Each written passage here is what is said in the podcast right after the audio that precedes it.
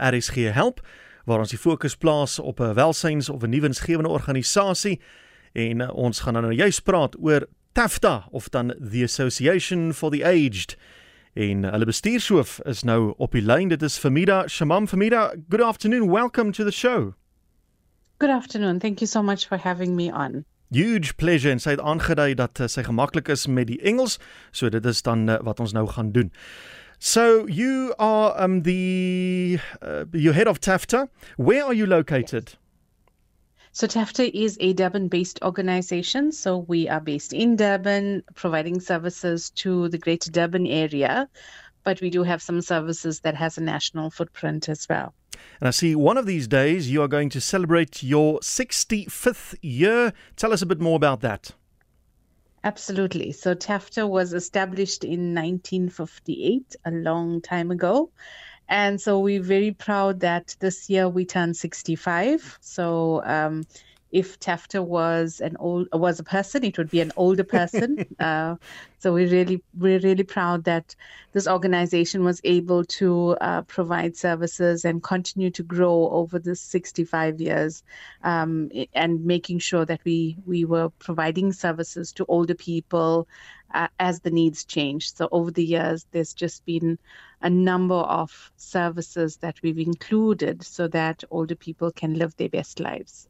One of these services is your Meals on Wheels program. That sounds very interesting. That's correct. Yes. So so Meals on Wheels is one of our oldest programs. It started, I think, when TAFTA was still nine years old in 1967. Um, the, the the group of people that were part of TAFTA at that stage were really interested in helping um, older people in the Durban area by providing meals to their homes. And these are older people who were not able to pre- uh, to prepare their meals or could not afford meals. So over the years, we've continued to provide um, Meals on Wheels service. Um, it's one one of our flagship programs that was introduced. And uh, to this day, we still support older people in the community. In the last financial year, we served over 14,500 meals to older people in their homes. And these are people who were not able to cook mm. for themselves, or um, either they could not afford to. So we provide the service based on need. That's fantastic. So I believe it's people 60 and older, and that, you know, like the, you said, it's people who can't uh, make their meals uh, anymore because of yes. age age related problems, or which can't afford the meals. Yes, absolutely. Yes, it is um, uh, available to people 60 and over. And you know, it's it's sometimes when you think about an older person coming back from hospital mm. and uh, recovering from an ailment or or just not being able to stand at the stove and cook the meal, uh, the service becomes quite uh, a lifeline for them. So you don't have to worry about cooking. Uh, it's uh, the Meals on Wheels service provides nutritious, freshly prepared prepared, ready to eat meals. And um, in, in some instances, all they have to do is heat it up. So if they have a microwave, they can heat up the mm. food and um, and eat it when when when they are ready to. Uh, it really is about making sure that we create an environment where older people can thrive and uh, where they're comfortable in their own homes. You know, it's the aging in place hmm. model. Mm. So preparing these 14,000 odd meals doesn't come cheap, and that is why you are organizing this golf day. Yes, so we're very excited because it's the first golf day that we are organizing post COVID. Mm. I think uh, COVID has been quite a game changer, and and we we're really excited that we can now be in the company of others. So um, this this this golf day has added significance. You know, it is happening in our 65th year. It's our first major event post COVID, and uh, we are hoping that we are going to get our teams on the greens at the Mount Edgecombe Country Club, supporting our our our older people uh, by participating in the usual four ball four ball alliance. Um, and you know, just to say that for each team that comes on board, each four ball uh, basically subsidizes 75 meals. So sure. when people sign in, they should know that their money goes towards the preparation of 75 meals to to our older people and and you know that's there's no cause that is more mm. worthy mm. than that so that is uh, friday the 26th of may i believe uh, mount edgecombe yes. uh, golf club and uh, yes. even if you're not a keen golfer there's also other ways you can uh, get into this whole golf day on the 26th of may that's correct. You could, I mean, people could donate uh, and consider sponsoring a tea at a cost of of uh, a thousand rand, um, and you know we could also they could other, uh, look at other types of sponsorship as well towards the golf day. Um, there's there's various ways that people can get involved, and and you can find all of that information on our website. So if you go to www.tafta.org.za all of the information is on there. Alternatively, if you'd like to get involved, please send us an email and we can respond to you. It's uh, simply uh, info at tafta.org.za and our team will, will, will respond to you as quickly as they can. Right. So just uh, your website again, that's tafta, T-A-F-T-A dot org dot Z-A, and the email address info at tafta.org.za golf.org.za for uh, more information about how to uh, get involved in this golf day and also the uh, four ball that people can participate in, or then sponsoring individual. Uh, uh holes that you uh, tees. tees yes, yes yes that's correct yeah. uh, so how for how long have you personally been involved with TAFTA Oh, uh, yes, see, now that's a loaded question because now I'm going to reveal my age, isn't it? I've been at TAFTA for 24 years. I've been here for a long time. Um, yeah, started off as a, a young social worker who still believed she was going to save the world. I still believe that. I still believe we have the capacity to make the world a better place. Um, so I've been with the organization for a long time. And why did you get involved with TAFTA? Have you got um, a love for the older people?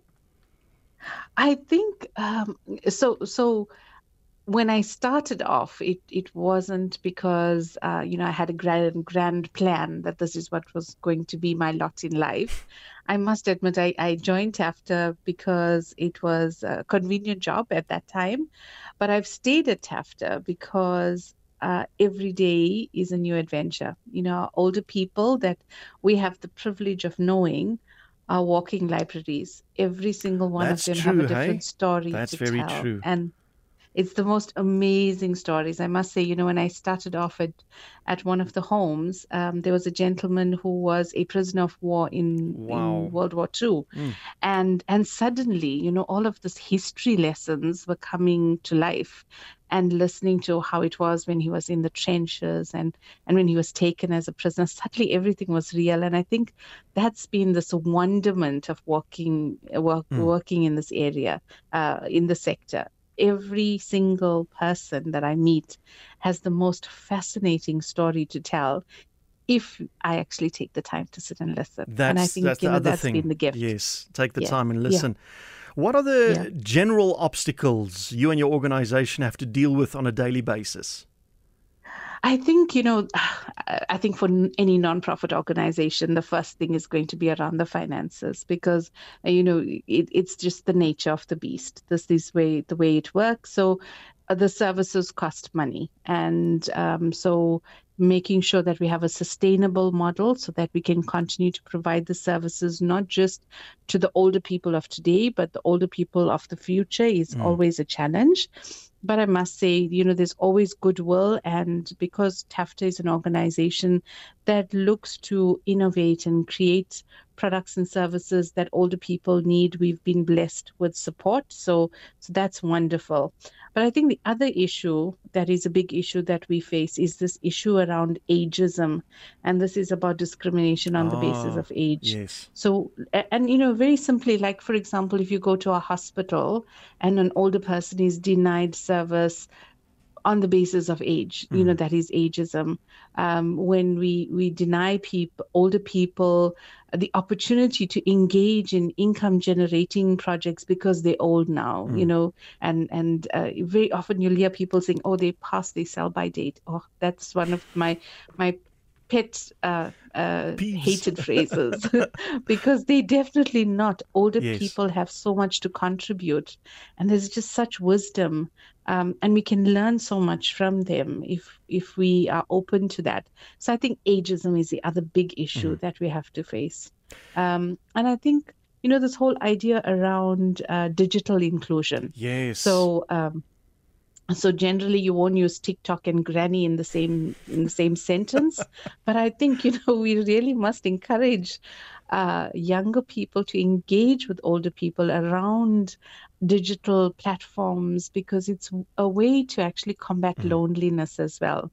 Um, true, you know yeah. yeah. So i think that's the other thing. It's the digital inclus- uh, inclusiveness. It's looking at um, having conversations with older people and and just you know celebrating life i think if covid has taught us anything it has to be mm. about you know bring it home to what is really real and relationships are real well, that's, for me, it was an abs- absolute pleasure uh, talking to you. Unfortunately, the time has run out, but I'm going to um, repeat all the info you gave me. And thank you very much uh, for your time. And I hope you're going to have a fantastic, successful day on uh, May the 26th. Thank you so much for having me on. Thank you. Dit was aan Famida Shamam, sy is die bestuurshoof by Tafta, the Association for the Aged. En as jy betrokke wil raak by die golfdag by die Mount Edgecombe buiteklub, dit is nou op Vrydag 26 Mei, dan uh, stuur jy 'n e-pos na info@tafta.org.za en daar kan jy nou aan 'n vierbal deelneem en jy kan ook afsonderlike uh, puitjies kan jy borg.